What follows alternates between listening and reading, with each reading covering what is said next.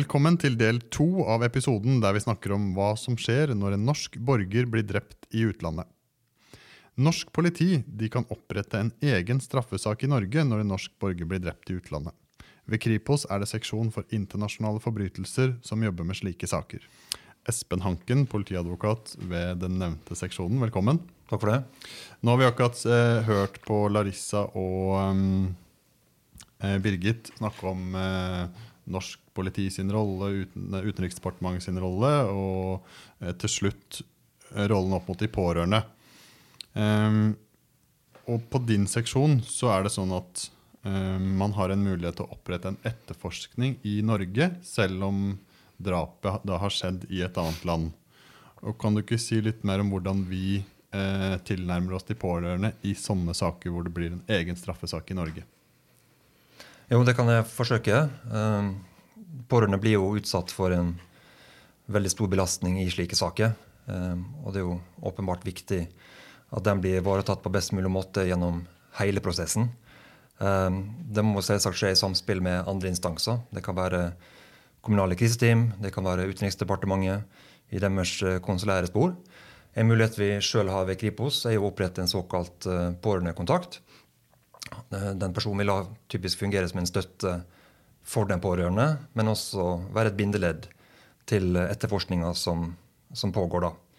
Et annet alternativ er selvfølgelig å opprette en slik pårørendekontakt i eh, det aktuelle lokale politidistriktet, hvis det da eh, er mer praktisk. da. Eh, når det er en etterforskning, så vil jo gjerne den pårørende kunne ha krav på å få oppnevnt også en bistandsadvokat. Og hvis det skjer, så er det viktig at etterforskning har god dialog med den bistandsadvokaten, også for å bli oppmerksom på den behova som den pårørende har. Også Birgit var innom det, at eh, norsk politi har jo ikke noe jurisdiksjon til å bare gå inn i et annet land og starte en egen etterforskning eh, for, å for, å få informasjon om hva som har skjedd. Men hva slags muligheter har egentlig norsk politi eh, utover det å ha dialog gjennom disse kanalene som vi var innom i forrige del? Utgangspunktet er jo at uh, det er det aktuelle landet der uh, drapet har skjedd som vil være ansvarlig for uh, etterforskninga. I praksis vil det gjerne være slik at det landet også vil ha de beste forutsetningene for å gjøre det. Og så er det da slik at også norsk politi da, ved slike hendelser kan starte en etterforskning her i Norge. Altså selv om drapet har skjedd i utlandet, og, selv om det pågår en etterforskning der. I praksis så vil det ofte være et spørsmål overordna sett da, om, om, en norsk etterforskning i de enkelte tilfeller vil fremstå som hensiktsmessig. For det tilfellet at en norsk etterforskning blir aktuell, så utgangspunktet la videre at er det lokale politidistriktet der fornærmede hjemmehørende i Norge da, som vil ha ansvaret for en norsk etterforskning.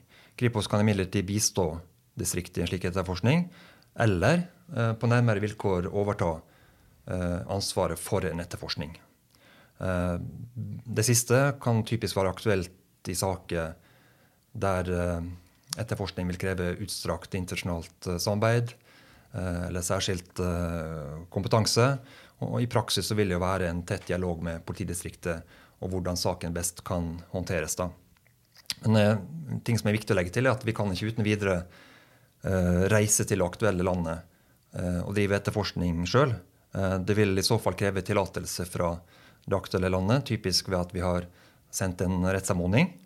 Eh, og så er det en ting til som jeg tenker kan være greit å, å nevne. At all den tid handlinga faktisk har skjedd i et annet land, så, så vil det, det, vil fort være begrensninger på hva norsk politi kan foreta seg. Eh, samarbeidsmulighetene kan også variere. Og jeg tenker det er greit at man har, også har realistiske forventninger til hva eh, norsk politi kan, kan, bistå med, og også hva en etterforskning eh, kan inneholde. For sett fra norsk politi og påtalemyndighet side, hva, hva, er hensikten med å skulle opprette en etterforskning i Norge når drapet faktisk har skjedd eh, i et annet land? Nei, det vil jo gjerne være en konkret vurdering da, i uh, hvert enkelt eh, tilfelle. Det vil kunne avhenge av hvor i verden eh, det har skjedd. hvordan håndteres saken i det aktuelle landet. Hva er samarbeidsmulighetene? Og ikke minst, sakene kan være så ulike. Selv om det er drap, så kan omstendighetene rundt, rundt hendelsen være veldig forskjellige. Innledningsvis i en slik vurdering så er det jo viktig at vi skaffer oss mest mulig informasjon om hva er det som faktisk har skjedd. Søke å få en best mulig situasjonsforståelse, kan man kanskje kalle det. Eh, og Der blir jo tidlig opprettelse av kontakt med aktuelle politimyndigheter, politi- og påtalemyndigheter i det aktuelle land blir, eh, blir viktig. Eh, og aller helst dem som er tettest på saken, tettest på den lokale etterforskninga. Men i praksis så ser vi at det ofte kan være vanskelig da. Et overordna spørsmål for oss vil jo ofte være om det er relevante etterforskningsskritt vi kan gjennomføre i eller fra Norge som kan bidra til å opplyse saken. Det blir på en måte litt sånn overordna kjernespørsmål eh, for oss. Eh, det vi skal foreta oss, eh, må i utgangspunktet eh, ha som formål å bidra til oppklaring, eh, straffansvar og til å kunne gi den pårørende eh, i Norge et svar. da. Det kan jo også være at politiet i Norge blir kontakta av pårørende eller andre som mener å ha informasjon om saken, om informasjon om det som har skjedd. Eller at det kan komme en konkret anmodning fra det landet drapet har skjedd i. Dette kan variere litt fra, fra sak til sak. Eh, og så er det jo et viktig poeng at den informasjonen som innhentes i Norge, typisk i hvert fall etter omstendighetene, kan deles med det andre landet da, for å bidra til den etterforskninga som, som der pågår. Um, du var litt innom det, men etterforskningsskritt, hva, slags, uh, hva snakker vi om da? Hva, hva, kan politiet gjøre i Norge for å samle informasjon og, og belyse saken? Ja, Det er et stort spørsmål. Uh, så det her blir jo egentlig å, å, bevege seg litt i overflaten på, på disse vurderingene og, og, hva vi kan foreta oss. Men igjen, det blir en konkret vurdering. Hvilken informasjon er det som er relevant for norsk politi å forsøke å innhente? Eh, bakgrunn og omstendigheter kan være så vidt forskjellige i slike saker. Eh, hendelsen og offeret sin tilknytning til Norge kan variere. Er det snakk om en, et kortvarig opphold? Er det, er det turister eh, som er involvert? Eller er det noen som har vært bosatt i utlandet eh, over lengre tid? Eh, har hendelsen tilsynelatende noen tilknytning til, til, Norge eller til personer som befinner seg her? Og så er det gjerne slik at sikkerhetssituasjonen eh, i en god del land kan variere. Eh, og innvirke også på praktiske muligheter vi måtte ha for å, for å innhente informasjon. Eh, og som jeg egentlig allerede har vært inne på, så, så, er det jo store variasjoner rundt omkring i verden i hvordan slike saker i det hele tatt eh, håndteres.